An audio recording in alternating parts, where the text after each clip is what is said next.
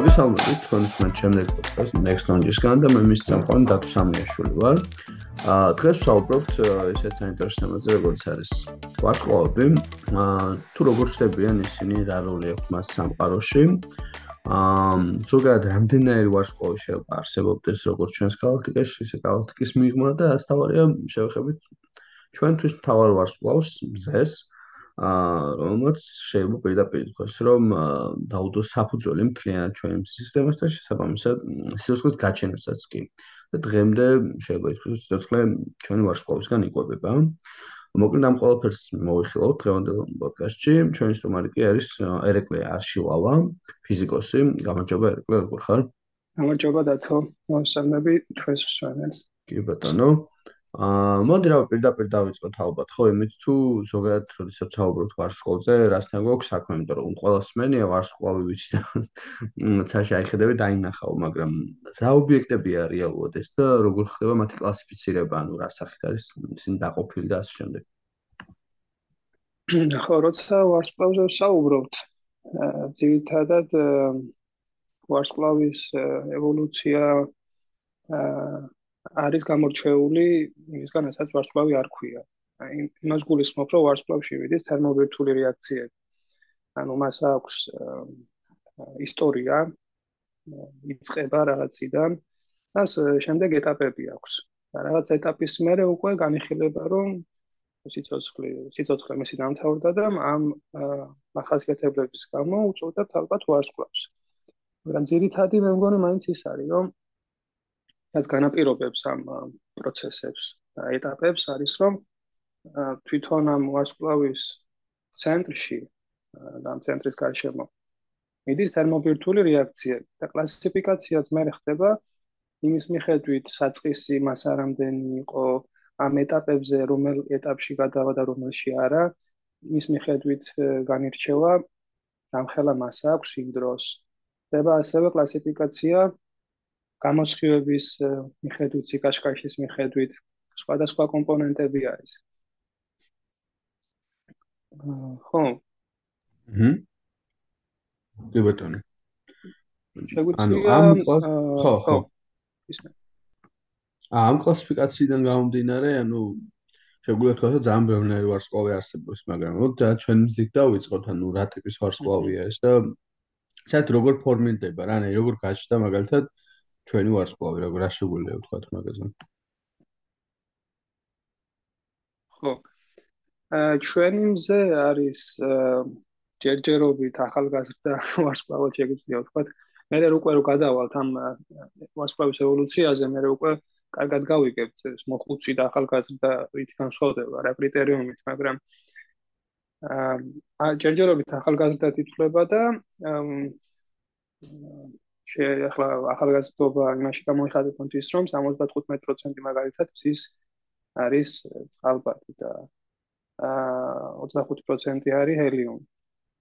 ხო ანუ ეს რეაქცია რაც მიდის ის ცენტრში არის რომ წყალბადი გარდაიქმნება ჰელიუმად. ამ თერმობირთული რეაქცია იმდინარეობს, როდესაც ამ პროცესის დროს გამოიყოფა ენერგია. და ეს ენერგია სხივდება სისგან, ანუ მოდის ჩვენამდეც და როდესაც ეს წყალბადის მარაგი ასე ვთქვათ ამოეწურება მზეს, მე გადავა შემდეგ ეტაპზე უკვე ცხოვრების და როგორც სხვა ვარსკვლავები გახდება წითელი გიგანტი. ხო ეს ნიშნავს, რომ მისი ზომა იმდენად გაიზრდება, გაფართოვდება, რომ მაგალითად დედამიწასაც კი ჩაღლავს. მაგრამ ახლა ჩვენ ცოტა ნაკლებად უნდა გვეშინოდეს მაგის, იმიტომ რომ საუბარი აქ მილიარდობით წლებზე. ანუ ეს ადამიანის დროის სკალა რა, დროის სკალაში ჩვენ ცხოვრობთ და ვარსებობთ კიდეც. ასტრონომ ასტროფიზიკურ სკალებთან არ არის თანხმედრაში რა, უფრო დიდი სკალები არის ვარსკვლავის ევოლუციის განვითარების და ცვლილების სკალები ისეთი არის, რომ თვალით, რა თქმა უნდა, ამას ერთი ადამიანი და ერთი რამდენიმე თაობაც კი ვერ შეამჩნევს და ანუ რო დავაკვირდეთ ერთ ვარსკვლავს ვერ მიხვდებით, რომ ის იცვლება და უბრალოდ ჩნება მე რა კითხვა, რომ აბა როგორ ხვდებით, რომ ეს ევოლუცია არსებობს. ხო და ხვდებით იმითი რომ ვაკვირდებით ძალიან ბევრს. სტატისტიკას ვადგეთ ვაკვირდებით ძალიან ბევრს და ამ ბევრს რო დავაკვირდებით მე ვარჩევთ ერთმანეთისგან ითი განსხვავდება რითი გავს და კლასებს კლასიფიკაციას გავაკეთებთ და მე ერთმანეთ მე აღვადგენთ ევოლუციას ანუ როგორ უნდა ყოფილიყო რაღაც მოდელს ავაკებთ ფიზიკურ მოდელს რომელიც უკვე ერგება ამ ამჟამინდელ სტატისტიკურ მონაცემს და რომელიც კარგად მე აღწევს. ხო და ეხლა რასაც ვამბობთ, ეს რო თქვით რომ ეხლა ესე გახდება წითელი გიგანტიო. ჩვენ მაგას ესე ვერ დავაკვირდებით, იმიტომ რომ საუბარია მილიარდობით წლებზე, მაგრამ ვიცით რომ არსებობს წითელი გიგანტები, ვიცით რომ არსებობს ახალგაზრდა ვარსკვლავები, ვიცით რომ არსებობს თეთრი ჯუჯები, მე ამასაც ვიტყვით რა არის თეთრი ჯუჯები და აქედან გამომდინარე უკვე ჩვენ ამ მოდელის მიხედვით ევოლუცია რაღაცნაირად წარმოქმნილი გვაქვს. ან წინასწარ შეგვიძლია ვთქვა რა, მომავალში რა იქნება. ხო, ანუ იმიტომ რომ რეალურად, როდესაც საუბრობთ ვარსკვლავებზე, ანუ გარდა იმისა, რომ არსებობს ჩვენი მზის მსგავსი ვარსკვლავი, არსებობს უამრავი სხვადასხვანაირი ვარსკვლავი და შემდეგ რაც საინტერესო ასევე კიდე ანუ ეტაპებია. აი როგორც ადამიანი რო წარმოვიდგინოთ, ვიღაც რა კვირდებოდეს შორიდან, ნუ იტყოდა რომ სიტყვაზე არსებობენ პატარა ბავშვები, ჩვილები, ჩუახ ასაკის ახალგაზრდები, მოხუცები, ხო? და ნუ ფორმები გვეცვლებ ადამიანებს, ვიცვლით რეალურად სიცოცხლის პროცესში ამას და იგივე გავს ძალიან ვარსკვლავები და რაღაც შედეგი საბოლოოდ რაღაც ზოგი მაგალითად გადაიქცევა ხოლმე თეთრ ჯუჯად, ხო, როგორც შენ ახსენე უკვე, ზოგს იმის პოტენციალი აქვს, რომ საერთოდ ჩაუხრელოდაც XS და ასე შემდეგ, მოკლედ და აა აი მაინც აი მოდ არ ვიცი იმდეთ ფართო თემა ზუსტად არ ვიცი რომ მხარეს წავიდეთ ესე ვთქვათ, მაგრამ ალბათ შეგვიძლია მაინც უფრო აა იმით მივყვეთ თუ როგორ წარმოდგენა და საერთოდ საიდანვე გაჩენილიყო პირველი ვარსკვლავები სამყაროში, როგორ გაჩნდა ეს ვარსკვლავები, რომელია უძველესი ვარსკვლავები ამ ხრივ და რას ვიგებთ მათზე დაკვირვებით. საუბარია, მე ვსაუბრობ, რაც აი ხო ვიცით, რომ სამყარო არის დაახლოებით რამდენიმე მილიარდ 12 თუ რაღაც მილიარდი წლის, თუ არ მეშლება ზუსტად. შესაბამისად, ვიცით, რომ თავიდან სამყაროს დიდი აფეთქების შემდეგ ვარსკვლავი ბუნებრივი არ იყო, მაგრამ რაღაც ეტაპზე გაჩენილიყო. რამდენიმე ასობით მილიონი წლის შემდეგ გაჩნდა პირველი ვარსკვლავი და მოკლედ აი მოდი აი ამ თემას შევეხოთ, ძალიან მაინტერესებს. როგორ იყო პირველი ვარსკვლავები, როგორ აინთო პირველად საერთოდ და მე ამას წახიან ხოლმე, რომ აინთო სამყარო და აი ამაზე რა შეგვიძლია ვთქვა? აა ხო სამ ეხა ვარსკვლავები როგორ ჩნდება და როგორ გაჩნდა პირველი. აა პირველის გაჩენა მაინდა-მაინც გამორჩეული, არ ვიცი რამდენად არის, იმიტომ რომ ეს ვარსკვლავები როგორც იღუპება, ისე ახალი ჩნდება და ცოტა აი კვერცხის და ქათმის მომენტი არის მან, იმიტომ რომ ვარსკვლავის ევოლუციის დროს ისეთი რაღაცები ხდება, რომელიც მე ახალ ვარსკვლავს აჩენს. და ახალი ვარსკვლავი ევოლუციის დროს ან რაღაცებს ამოფრქვევა ხდება. და იქედან მე იწყება ახალი ვარსკვლავების გაჩენა. ხო და აი ხა როგორ იწყება და სამყაროში გვაქვს ხრუბლები აა ვარსკვლავების აა შორის რაღაც სიუცეები ხო არის სიუცეებზე რომ საუბარი არის უნდა წარმოვიდგინოთ რაცინა თვის წელიწადის სიგრძის მანძილები რა, მაგხელა სიუცეები არის. მაგის რიგის სიგრძეები არის. აი ამ დაშორებებში არის ხოლმე ღრუბლები. ეს ღრუბლები არის იონიზებული ატომები, არის რაღაც ელემენტები, რომლებიც ერთმანეთის გარშემო მოძრაობენ. ხშირად მე იწყებენ ტრიალს. და ტრიალებენ ნუ რაღაცა წარმოსახვითი ღერძის გარშემო. ამ ტრიალის დროს თან ერთმანეთთან ხო ხახუნებიან, ცხელდებიან. რაღაცა დროს უკვე იმდენად გახურდება ეს ეს რუბელი, რომ იქ აინთება თერმობირთული პროცესი. ანუ ერთმანეთის გარშემო ტრიალებენ ეს გრავიტაციული მიზიდულობის გამო კიდევ უფრო ახლო ახლოს მიდიან. რაც უფრო ახლოს მიდიან, უფრო მეტად ხურდებიან, ტემპერატურა იზრდება და რაღაც ტემპერატურას რო გადაცდება, მე უკვე დაიწყება წყალბადის გარდაქმნა, წყალბადის სინთეზი, სინთეზი ასე რომ ვთქვა. გარდაქმნა ჰელიუმად. აი, როცა ეს უკვე ჩაირთვება ეს პროცესი. შეგვიძლია ვთქვა, რომ მაგ დროს დაიბადა. რაღაცა მოსვლა. მე უკვე მიდის ეს წყალბადის გარდაქმნა ჰელიუმად მიმდინარეობს და რაღაცა ეტაპზე მე უმცირდება წყალბადის მარაგი. სამაგიეროდ მან არის ორი პროცესი, რომელიც ერთმანეთს, ასე ვთქვათ, ეწინააღმდეგება. ერთი არის გრავიტაციული მიზიდულობის, რომელიც ცდილობს, რომ ცენტრისკენ მიიზიდოს ეს ეს ასა და შიგნით რადგან პროცესები მიმდინარეობს თერმობირთვული და ენერგია სხივდება იქიდან წნევა პირიქით გარეთ ცდილობს რომ გამოდევნოს. ხო და აი ეს ჭიდილი მიდის პირველი ვარსკვლავები როდისთვის უნდა გაჩენილიყო ამაზე რა ინფორმაცია გვაქვს ამ დაახლოებით? პირველი ვარსკვლავები რა ვიცი შენ უკვე თქვი 100 მილიონი წლის შემდეგ უნდა გაჩენილიყო. ანუ საფაროში ესე იგი დიდი ეფექტების თანახმად უკვე რომ ფორმირდა ელემენტები მაშინ აი ელემენტები სანამ არ იყო ვერ გაჩნდებოდა ვარსკვლავები.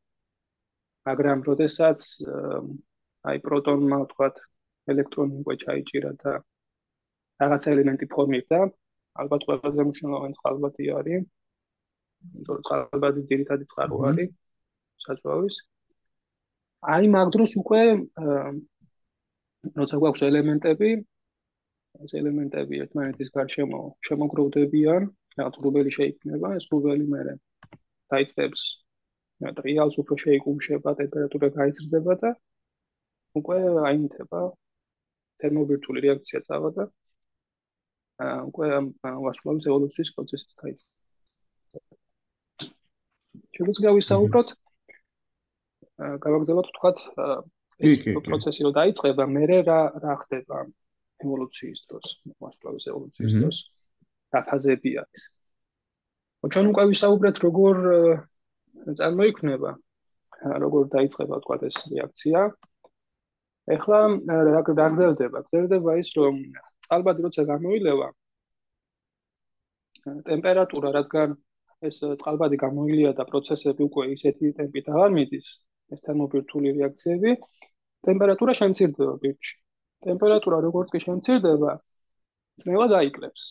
წნევა რო დაიკლებს, გრავიტაციული მიზიდულობა გადააჭარბებს ამ წნევის გამოდენვის ძალას და შენ შეიკუმშება. რო შეიკუმშება, იმდენად შეიკუმშება, რომ ტემპერატურა დაიწყებს მატებას, მატებას ამ შეკუმშვის დროს და იმდენად გაიზრდება, რომ უკვე ჰელიუმი დაიწყებს წვას.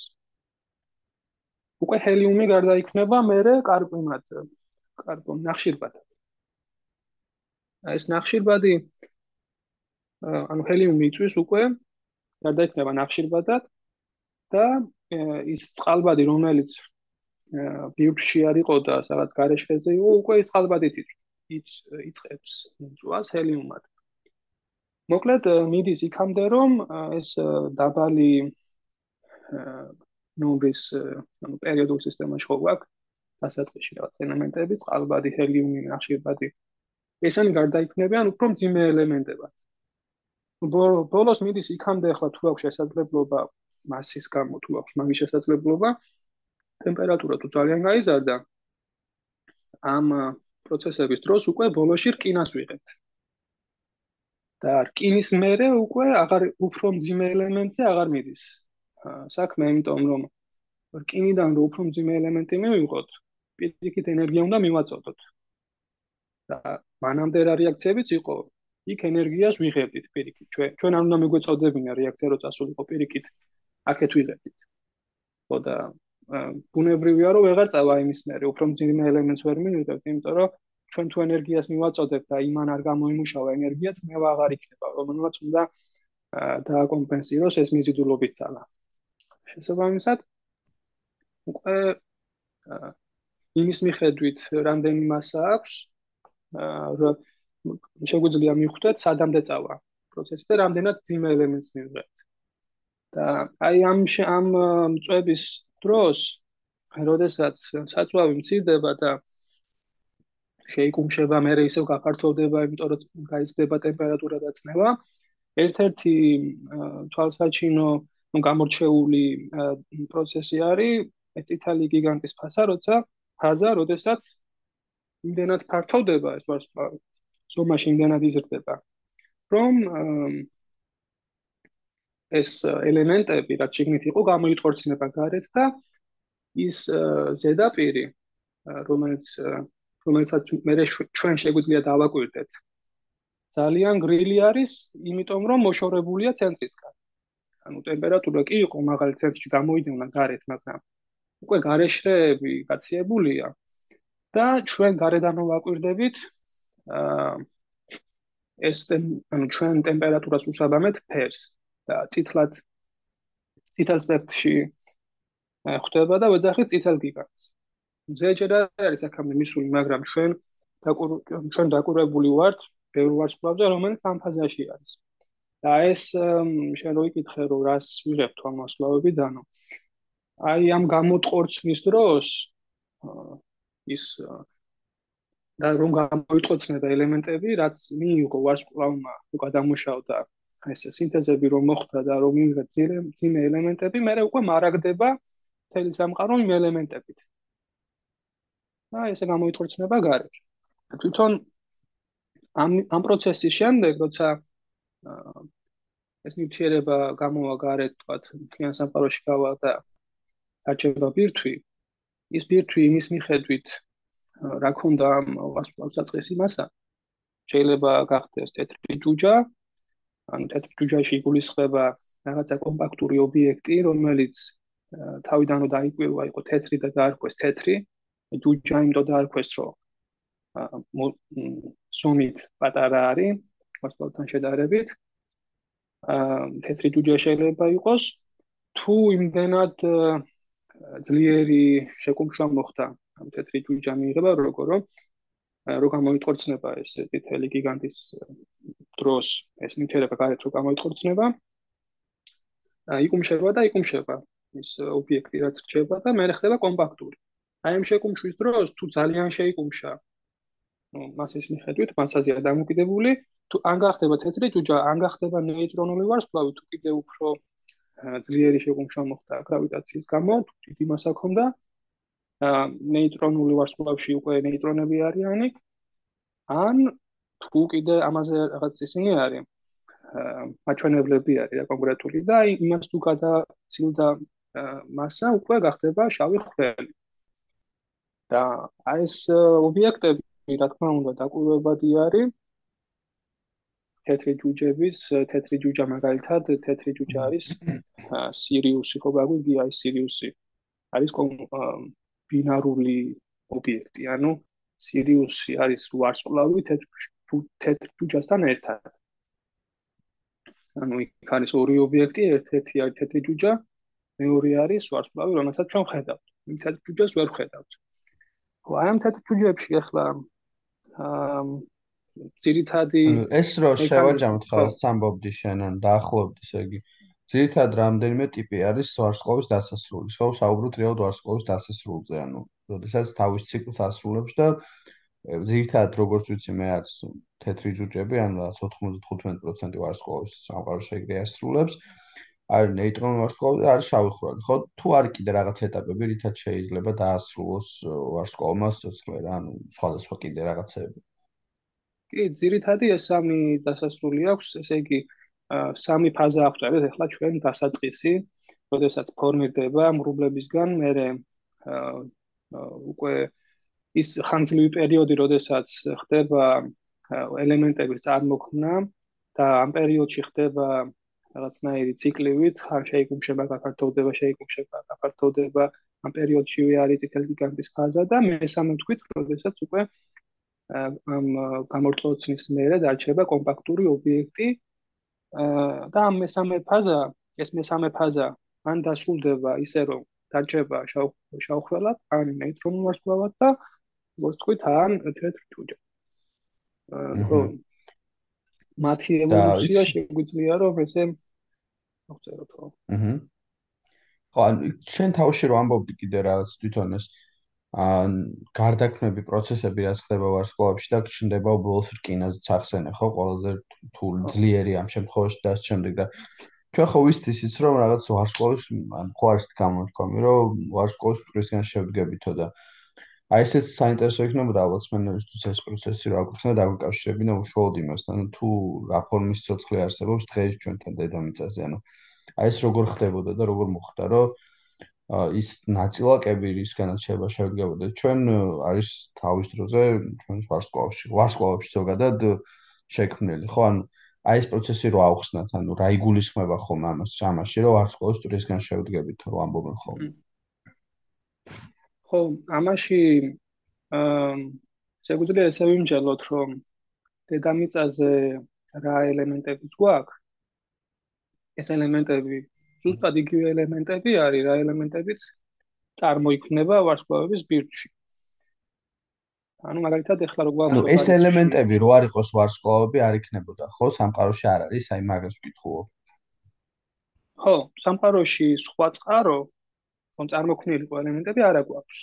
გვაქვს ქარხანა, რომელსაც ვარსკვლავებს ეძახით, ამ ქარხანაში წარმოქმნით ელემენტებს.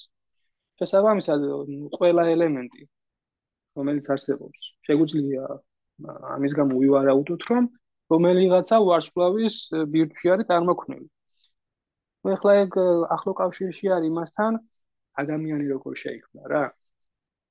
იმიტომ რომ ახლა თუ თუ ვიტყვით იმას რომ ადამიანი მას შემდეგ რაც ვარსკვლავები ჩამოყალიბდა, გაჩნდა ვარსკვლავები და მე რამ ვარსკვლავებმა მოგცეს, გამოასხივეს უკვე წარმოქმნილი ელემენტები, წარმოშვეს ელემენტები გამოასხივეს, მე ეს ელემენტები გავცელდა სამყაროში და მე დედამიწაზეც რაღაც ელემენტები მოხდა და მე აი აი რადგან ელემენტები იყო, რაღაც პირობები იყო, მე წარმოიქმნა ადამიანიო. ამ ლოგიკაზე დაახტნობით, ჩვენ ელემენტებიც გვაქვს. უკვე რომელიღაცა ვარსკვლავის ბიუტში არის წარმოქმნილი, ხო? მაგრამ ახლა ადამიანი როგორ წარმოიქმნა? ამაზე თალკე შეიძლება მჯელობა და ბევრი მოსაზრება არსებობს და აა ხო რა ძირითადი იდეა იმაში რომ ვარსკვლავის ტრის განვართვა ალბათ ის მსგავსება არ ვიცი იგივეობა არის რომ ჩვენ და ელემენტებიც გვაქვს უბრალოდ ის ელემენტები არის რაც წარმოიქმნება ვარსკვლავის ტრისში ხო და ახლა შეგვიძლია ისიც ვთქვათ რომ ადამიანი მაგალითად ღმერთმა შექმნა მაგრამ აა ეს უკვე ალბათ შორს დაგვიყვანს როგორ შეიქმნა ადამიანი მაგრამ აი შეგვიძლია ვთქვათ რომ მომარაგება ზოგადად რო ვთქვათ რა სამყარო მარაგდება ვარსკვლავებით ვარსკვლავებისგან ელემენტებით. და რომ თავიწყოთ თანგარიშება მაგალითად რამდენი წყალბადი არის სამყაროში. რამდენი კინა არის. ამისთვის ეს ანგარიშებები ასტროფიზიკაში ხდება. და ამისთვის საჭირო არის მხედველობაში მიიღონ, რამდენი ვარსკვლავი არის, როგორი ვარსკვლავები არის. ანუ დაფუძნებულია იმაზე, რომ ეს ყველა ელემენტი რაც არსებობს, რომელიღაცა ვარსკვლავში წარმოიქმნა. სხვა წყარო ჩვენ არ გვაქვს. კი ბატონო, ხო, ну რეალურად აა ეგრე გამოდის და გარდა ამისა, ანუ აი სიცოცხლის წყაროს და ზოგადად მატერიის გარდა, ანუ შეგვიძლია ისიც ვთქვათ, რომ ერთ-ერთი რაღაცა ხო ვარსკვლავი რის მიხედვითაც ზოგადად სამყაროში რაღაც დანახვა შეიძლება, ხო? ანუ აი ეს ფოტონის წარმოქმნის პროცესი ძალიან საინტერესოა და შესაბამისად როგორ ხდება ანუ იმიტომ ვთქვი რომ თავიდან რომ ამბობ რომ სამყაროში რაღაც ამდენიმე მილიონი წლის შემდეგ პირველი ვარსკვლავი გაჩნდა, ანუ აი აქედან შეიძლება ითქვას სამყარომ გაანათაო ეს ამბობენ და ეს რა პროცესია ამაზე რა შეგვიძლია ვთქვა ანუ? ა ხო აი განათებას როცა განათებაზე როცა საუბრობ მე პირველი განათება ეს მხატვრული რაღაც შესატყვისი არის ფიზიკური აღწერილობის ფიზიკურად რო აღწეროთ ახლა ასე გამოვა რომ დიდი აფეთქების თეორიის თანახმად თავიდან სამყაროში არ იყო განცალკევებული პროტონები და მაგალითად ნეიტრონები ან ელექტრონები. ასე ცალ-ცალკე არ იყო. ქონდა რაღაცა აა ალბათ ჩვენმა უხეშად რო წარმოიდგინოს, სითხეც წარმოიდგინოს, რაღაც სითხე, რომელსაც პლაზმა ქვია ფიზიკაში. ამ პლაზმაში ტემპერატურა იმდენად მაღალია, რომ ვერ განაცალკევებ, აზრი არ აქვს, რო განაცალკევო ერთმანეთისგან თქვა პროტონი და ნეიტრონი.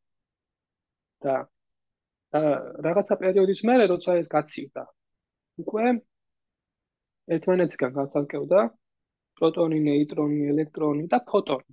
აი ფოტონი, როდესაც უკვე ამ პლაზმაში აღარ არის და უკვე პლაზმა აღარ არის და მივიღეთ ეს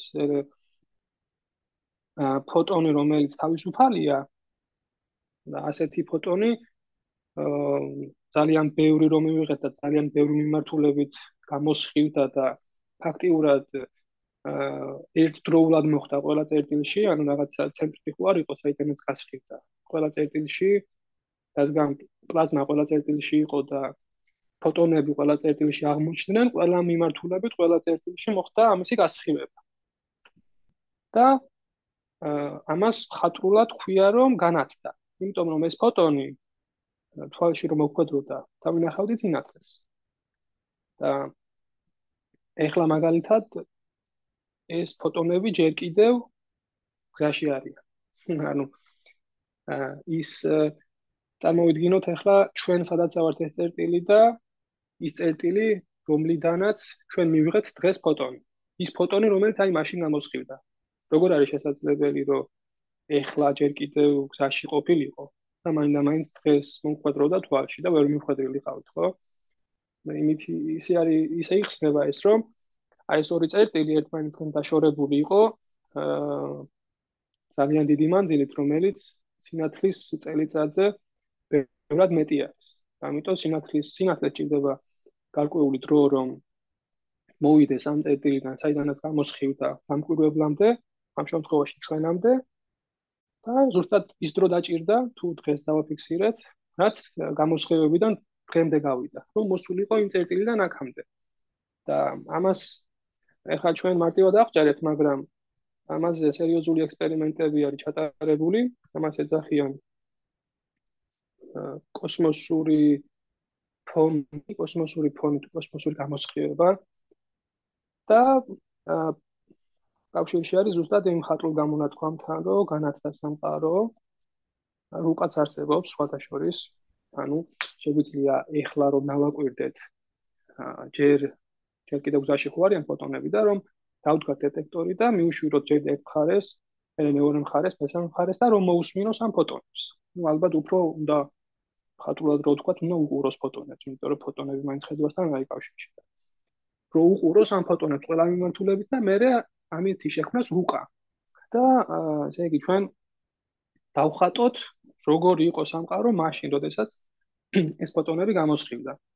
ამისი რუკა არსებობს ამას ქვია cosmic microwave background ასე ქვია აა გუგლში თუ იმას მოძებნა დაინტერესებს ამ წაკითხვა ესე რომ ჩაწეროს პირდაპირ იპოვის და საინტერესო რუკა არის იმიტომ რომ აა ესე იგი ტემპერატურა შეგვიძლია შეუსაბამოთ თითოეულ წერტილს სამყაროში და ის ტემპერატურის ცვლილება ერთი წერტილიდან მეორეში ფლუქტუაცია არის ძალიან მცირე. ანუ საკმაოდ ერთგვაროვანი სამყარო იყო ამ ტემპერატურის კრიტერიუმით რო შევაფასოთ.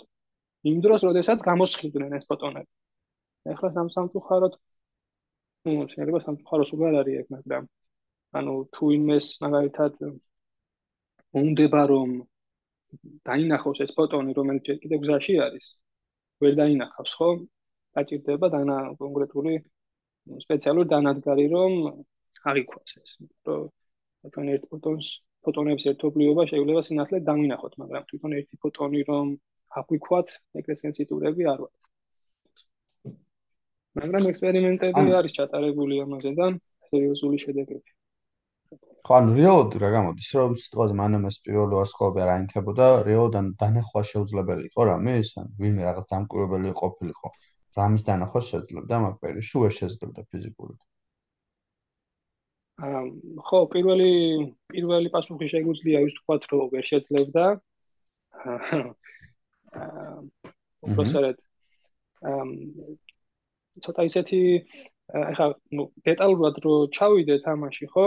დამკვირვებლის არსებობა წარმოუდგენელია პლაზმაში. იმიტომ რომ პლაზმას იმენად მაღალი ტემპერატურა აქვს, რომ ის ჩვენ და დამკვირვებლებიც მოგვდის თავში, ესეთი დამკვირვებლები თეორიულად ვერ იარსებებს, მაგრამ ეს პლაზმა მთელ სამყაროში ხო?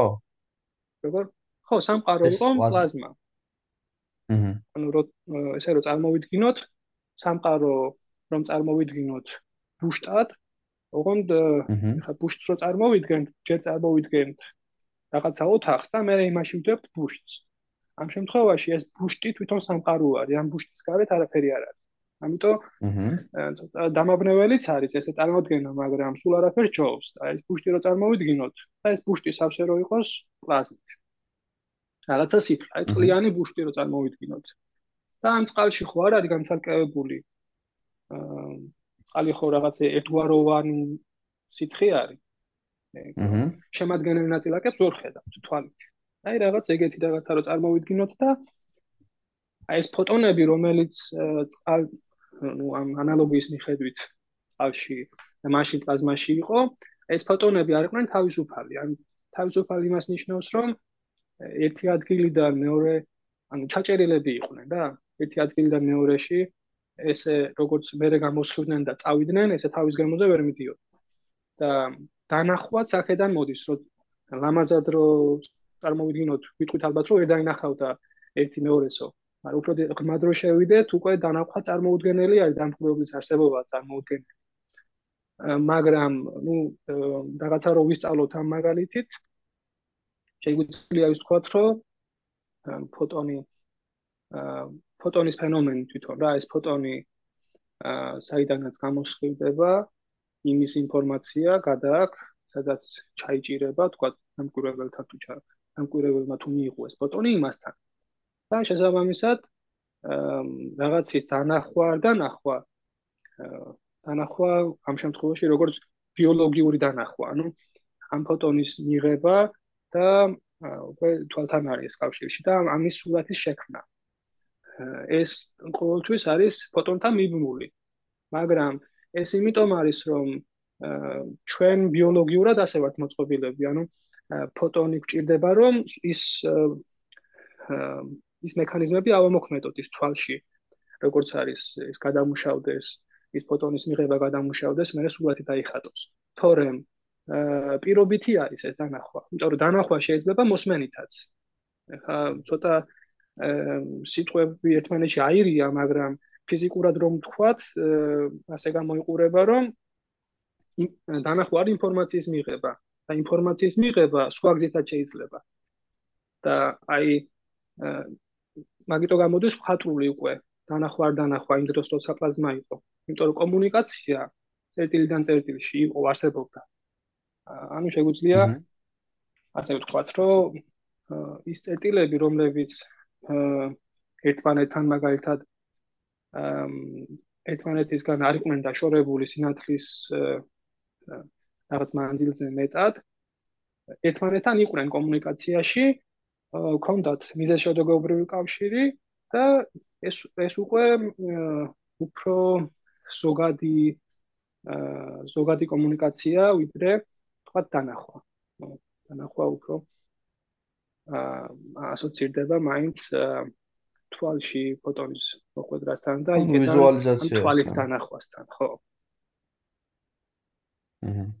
გასაგებია. აა და მე რა მაინტერესებს ხაი დაახლოებით ამ პროცესებზე ვისაუბრეთ, მაგრამ ერთად ეხა დღეს როგორი პროცესებიც არის, ხო როგორ მიმდინარეობს და რა როლი აქვს დღეს ვარსკვლავს, მაგრამ ანუ აი ცოტა მომავლისკენ რო გავიხედოთ რა, ალბათ ეგეც ძალიან საინტერესო იქნება, ანუ როგორ წარმოგვიდგენია სამყაროსა ევოლუცია ხო გრძელდება რაღაცა შეიძლება ითქვას რომ ვამბობთ რაღაც რამდენიმე მილიარდ წლის შემდეგ ესეთი იქნება სამყარო დღეს ფართოვდება ხო სამყარო და ამობე რომ ცივდება კიდევაც და არის რაღაც თეორიები რის მიხედვითაც მომავალ სამყაროს საკმე გაიყინოს და მე შეიძლება ყველა ვარსკვლავი ჩაქურეს და ასე შემდეგ. და აი ეს როგორ წარმოგვიდგენია ასტრონომიაში და ასტროფიზიკაში ზოგადად ეს ფენომენი.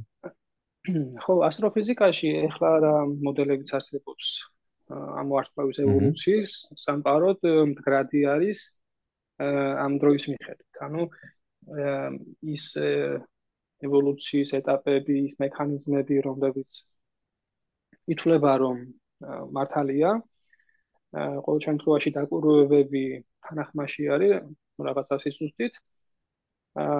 ამ დროის სკალის მიხედვით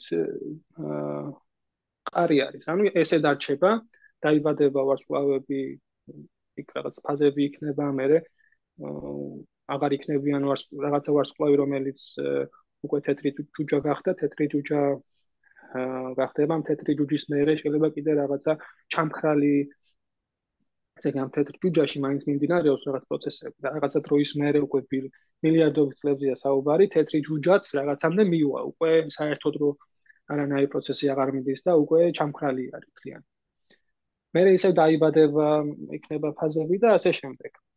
აი საინტერესო არის აი უკვე ვახსენეთ კიდე ჩვენ დასაწყისში რომ ჩვენაც გვადარდებს. არის ყველაზე ახლო ვარსკვლავი ჩვენთან. ჩვენი მზე.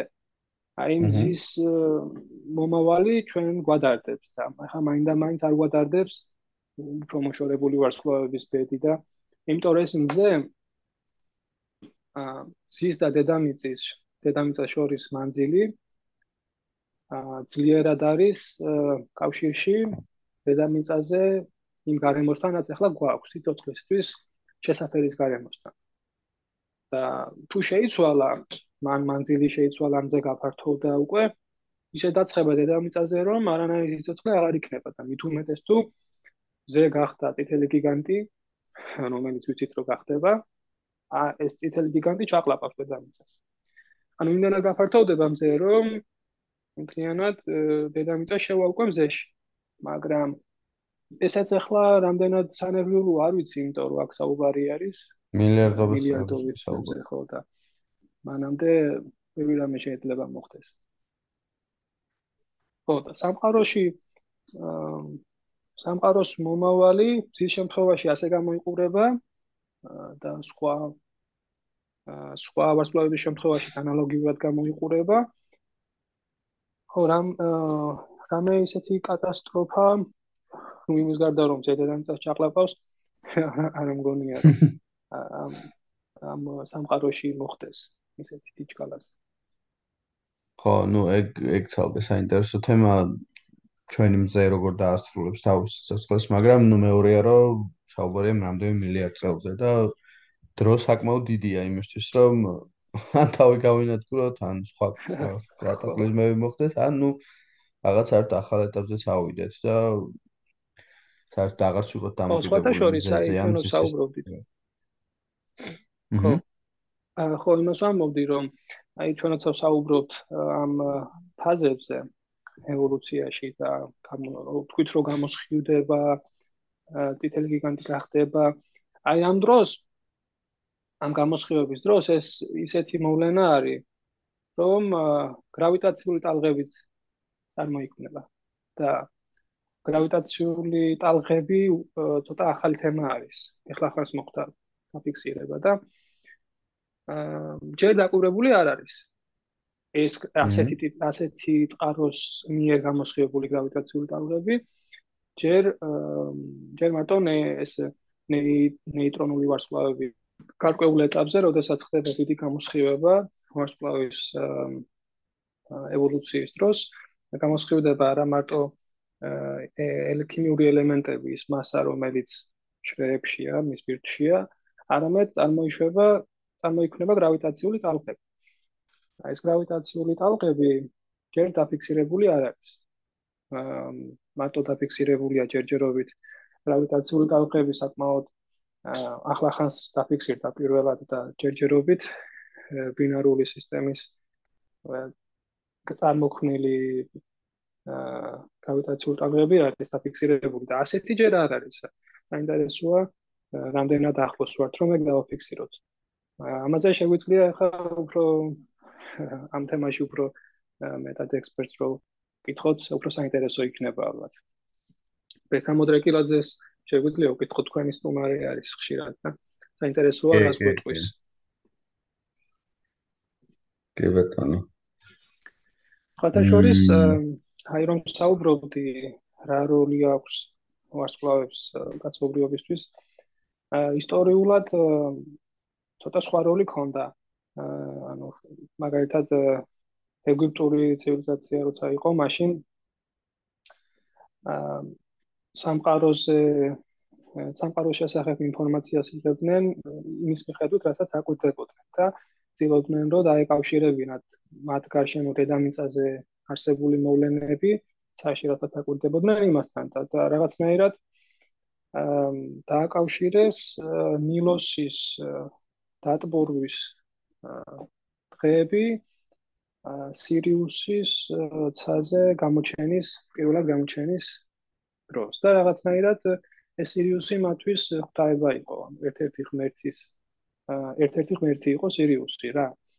და თვითონ რომ ეს ღმერთი მათ აძლევდა სიუხვეს რადგან დატბორვის შემდეგ უფრო უხვი მოსავალი მოდიოდა ნოსი რო იპოვებოდა და აა როგორც ხმერც ეგრეთ სცემდნენ თაყვანს და მე უკვე ხა გადავიდნენ ხო რა იმდენად მნიშვნელოვანი იყო ეს რომ ის კალენდარი რომელიც ჰქონდა დაგებული იყო ამ სირიუსზე. ამ სირიუსის პირველი გამოჩენა.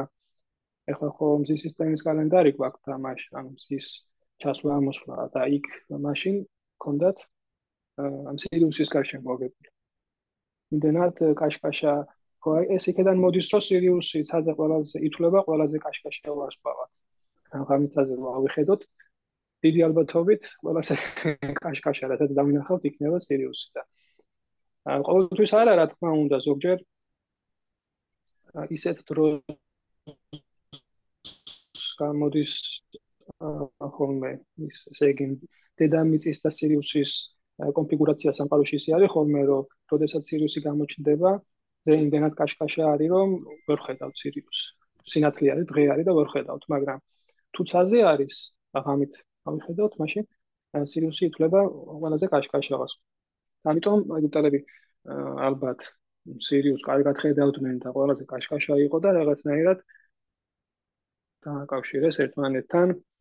იმოსით დატბორვა პირველად ცაზე გამოჩენასთან, სიუსის პირველად ცაზე გამოჩენასთან და კალენდარიც გადააწყვეს, რამდენად გადააწყვეს არ ვიცი, ალბათ არ ქონდათ და შექმნეს. შექმნეს კალენდარი ქონდათ მოკლედ ამ სიუსის გარშემო. აა ძალიან საინტერესოა ხო.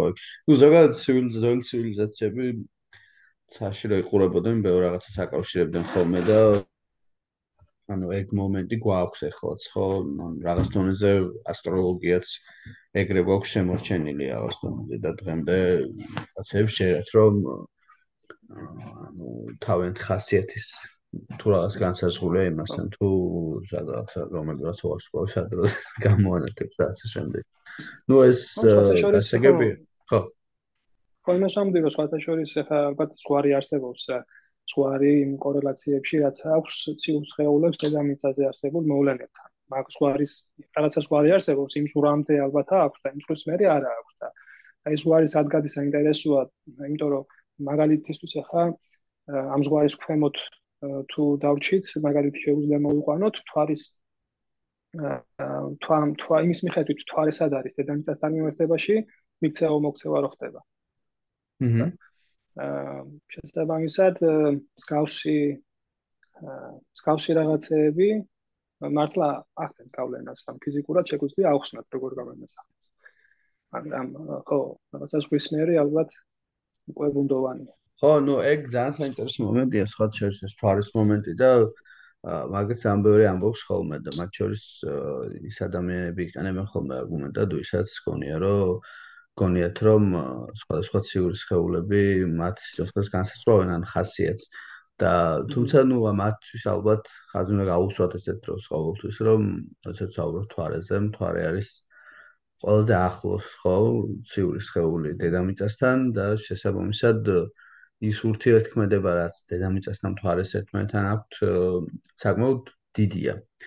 და მათ შორის როდესაც ოკეანის მიმოქცევაზე საუბარი თვითონ ოკეანის კონსტანცია საკმაოდ დიდია და აქ რაღაც გრავიტაციულ ფენომენზეა ხო საუბარი ვიდრე იმაზე რომ ძალიან შორეულმა მათ შორის მზის სისტემისგან ბევრად დაშორებულმა ვარსკვლავმა რამე როლი ითამაშოს იმასთან თუ როგორ ხასიათზე გაიღვიძებს კონკრეტული ინდივიდი ასე შემდეგ ხო ხო ეს სამყაროს მასშტაბები რა მასშტაბების არის ჩვენი მზის სისტემა არ ვიცი დაშორებები რამხელა საშუალოდ ვარსკვლავებს შორის და ეს ოპციური ობიექტები რამდენად დიდ სივრცეში არიან.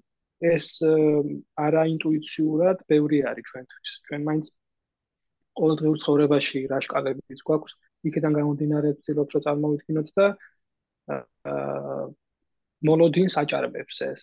და შესაბამისად ის ურთიერთქმედებებიც რადგან ახლა მანძილი ძალიან დიდი არის ურთიერთქმედებებიც ფაქტიურად დროში გაწერილია ჩვენთვის იმიტომ რომ ჩვენ მიჩვეულები ვართ საათის შკალის ან ანუ ციფრის შკალის წელიწადის შკალის დროზე და აქ საუბარია, როდესაც ვარსკვლავიდან ვარსკვლავამდე ინფორმაციის მიტანაზეა საუბარი, აქ საუბარია სინათლის წელიწადებზე. ანუ სინათლე სინათლეს თვითონ სინათლეს ჭირდება წელიწადის რიგის დრო, რომ ერთი წერტილიდან მეორეში მიმიდეს. აი მაგალითად სირიუსზე რო ვახსენეთ ახლა.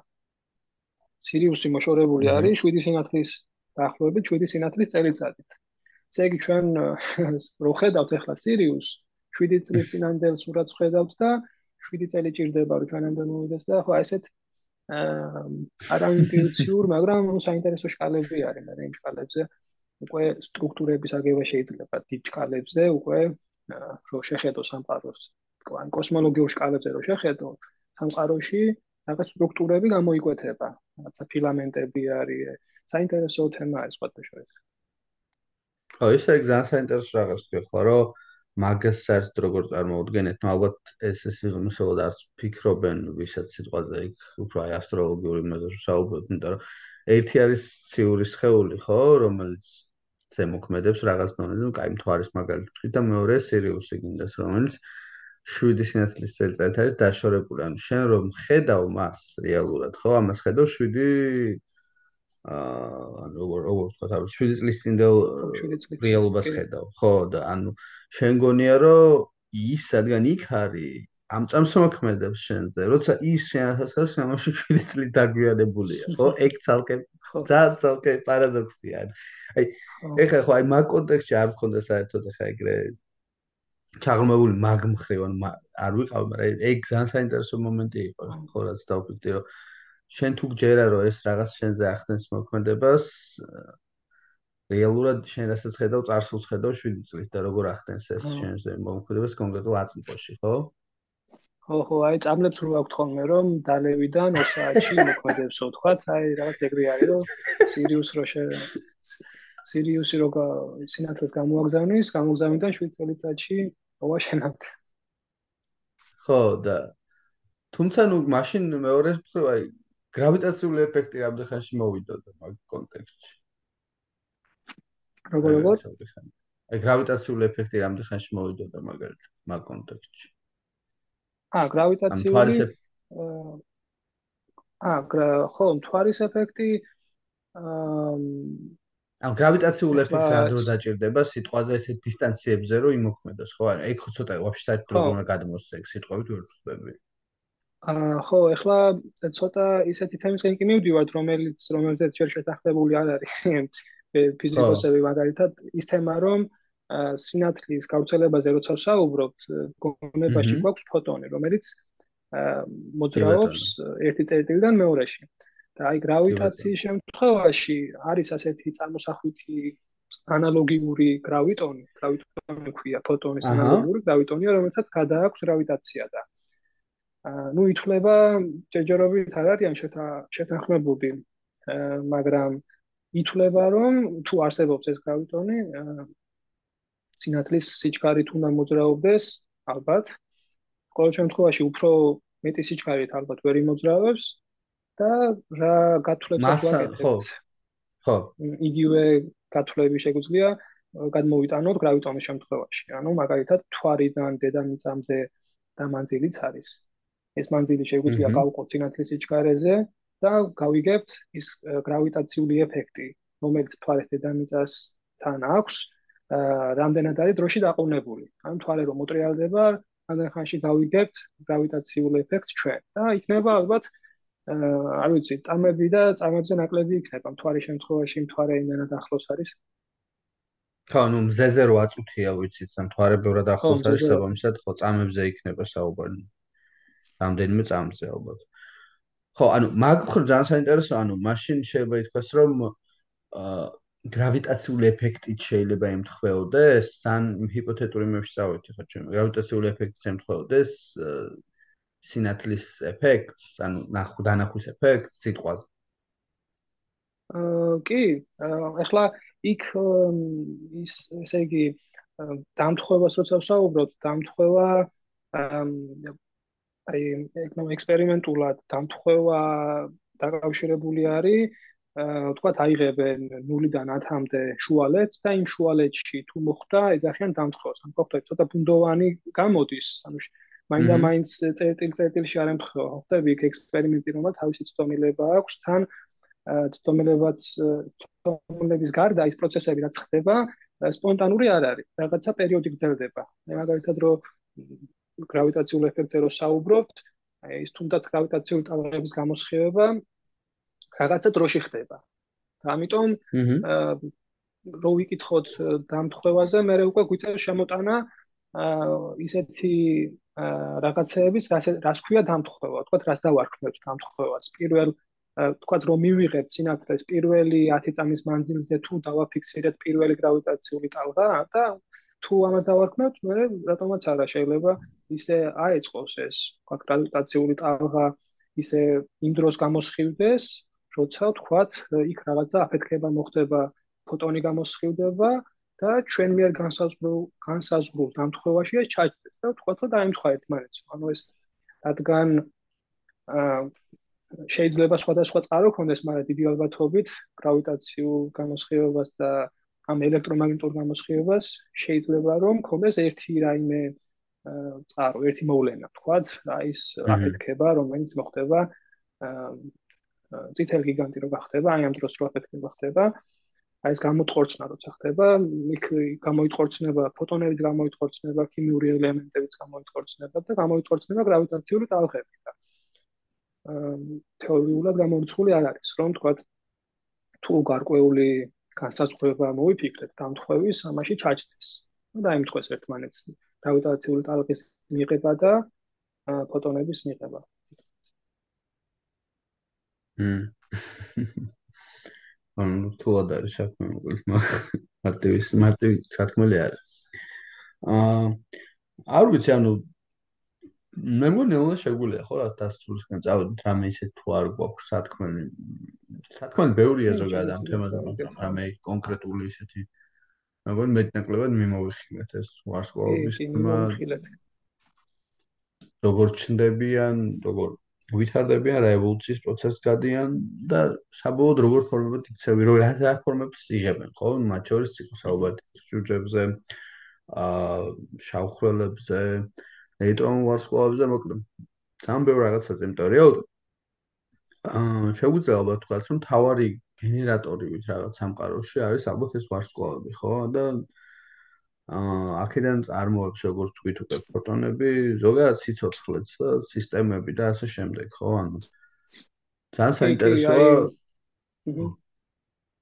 აი გლობალურად რო შეგვეძლოს აი რაღაცა როგორც კანტი იტყვა თავისთავად საგანის დანახვაო რა და თავისთავად საგნად რო შეგვიძლოს ვარსკვლავის ფენომენის დანახვა სამყაროში რა არის ვარსკვლავი და რანე რა რა ფუნქცია აქვს გარდა იმისა რომ ხედავს ხო.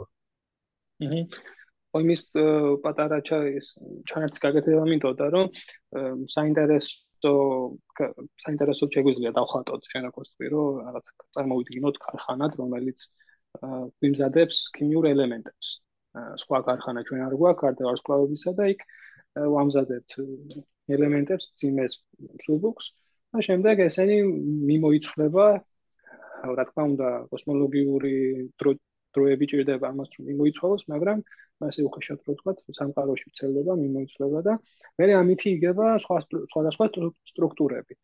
აი თვითონ ფოტონი, ფოტონის წარმოქმნის სხვა წყაროები გვაქვს, რა თქმა უნდა. ვარსკვლავში კი გამოსხივდება ფოტონი. მაგრამ ჩვენ შეგვიძლია ფოტონი მივიღოთ. მარტივია ფოტონის მიღება დედამიწაზე ექსპერიმენტებს ვატარებთ და ფოტონის მიღების თერმობირთული რეაქციების გარდა ფოტონი ფოტონის მიღების სხვა წყაროებიც გვაქვს. და შეიძლება თქვი ისიც საინტერესოა რომ გარდა თქვა ფიზიკური კუთხით დანახვისა შეგვიძლია უფრო სხვა შკალებზე შევხედოთ.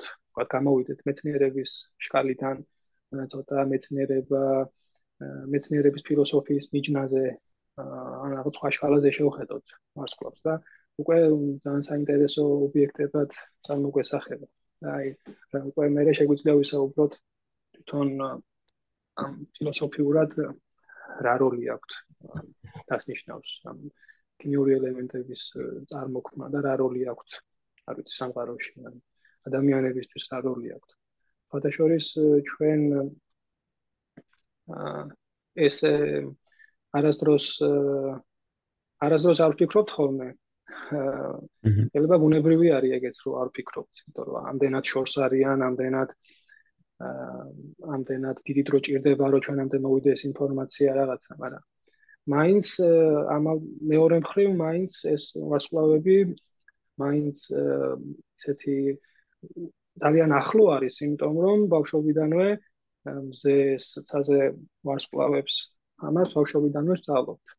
ნახატებში რაღაცა საპრებში ესენი ყოველთვის არის და საინტერესო საინტერესო ფენომენია. ანუ ადამიანის პირველი თანამგზავრები არიან რეალურად იმ კონტექსტში, როდესაც პირველ ყოფილი ადამიანებიც შეხედავდნენ და ამას აუცილებლად იზამდნენ, პირველს დაინახავდნენ ვარსკვლავები იყო და პირველი შეკითხვები ალბათ ეგზისტენციალური, რაც გაუჩნდებოდა ვარსკვლავებთან იქნებოდა დაკავშირებული, ხო, იმიტომ რომ რაღაცებს მეტნაკლებად ახსნიდნენ, იტყოდნენ, რომ ეს დაწებელია, ეს საფრთხეა, ეს პროექტი მოდი შევჭამოთ.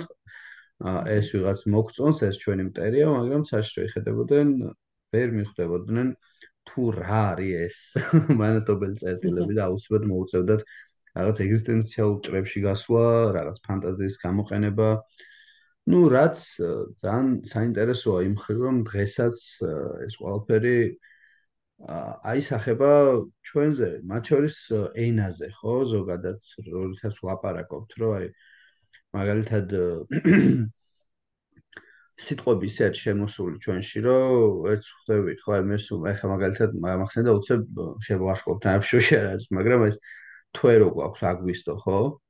ჩვეულებრივ ეძახს აგვისტოს, მაგრამ რომელი იმპერატორი იყო აგვისტოსი, რომელიც აგვისტოს მოკვდა, მე მგონი თუ არ მეშლება, ან დაიბადა, აი დეგაღან მახსოვს, ან მოკვდა ან დაიბადა მოკლედ და მის საპატივსაცემლოდ დაარქვეს რომაელებმა ეს ამ თვეს, რომელ თვეში ეს კაცი მოკვდა მოკლედ ან დაიბადა, კიდე ხას უზუსტად არ მახსოვს. აგვისტო და ნუ ეს დღემდე გვაქვს ეს საქართველოსში ძივართ აგვისტოს ოპერაკობს და არც ფიქრობთ იმაზე, საიდან მოდის და ესეა ზოგადად ანტიკურ რაღაცები გადმოსულია და მე დარწმუნებული ვარ მათ შორის ფარსკვლავებსაც აქვს ძალიან დიდი როლი ენაშიც, ჩვენს ენაშიც. გამჟდარი რომელიც შეიძლება და ხა თვითონ ლინგვისტებმაც კი აღარ ვიცი დაკარგული იყოს ეს ინფორმაციები მოკლედ იმის თქმა უნდა რა. ხო. აა, ოღონდ ძალიან დიდი მადლობა, ძალიან საინტერესო იყო შენთან საუბარი. აა, რა ვიცი, ფაქტია რომ ვარსკვლავების მტვერი ვარ, ვარსკვლავები ჩვენი ნაწილია და იმეც ვიქონიებ რომ დიდხანს იქნებიან ის ვარსკვლავები ჩვენთან იმ კონტექსტში რომ ბოლოს არ მოგვიღებენ, ხო, იმიტომ რომ არსებობს რაღაც საფრთხეები, რომელიც შეიძლება შორს მზის სისტემის მიღმაც რაღაცა ასეთი რაღაცა კოლოსალური ვარსკვლავი აფეთქეს ხო, რომელიც ძალიან დიდი რადიაცია წამოაჩენს და ასე შემდეგ, მაგრამ ამ ხრი ხო არ ვარ ხოლმე დაცულები, ხო? ეს საფრთხები არსებობს, მაგრამ კი, კი, დიდი მადლობა, რომ ხო, მადლობა, რომ მომიწვიე და ძალიან საინტერესო იყო ჩემთვისაც ესე თემებზე საუბარი. იმედია, რომ ჩვენს მერესაც ძალიან მოეწონა. კი, ბატონო, დარწმუნებული ვარ, მოეწონება და ბევრ რაღაც საინტერესო ახალ ამბავს გაიგებ და ვარსკვლავებზე ჩვენს რა როგორ ჩვენ თქვი რაღაც ქარხნებზე ხო, რომლებიც აწარმოებენ სხვადასხვა ელემენტებს. იმ ელემენტებს მათ შორის რომელსაც ჩვენ შევდგებით და ჩვენ ცხოვრების ნაწილია. მადლობა კიდევ ერთხელ და დროებით. Thank you.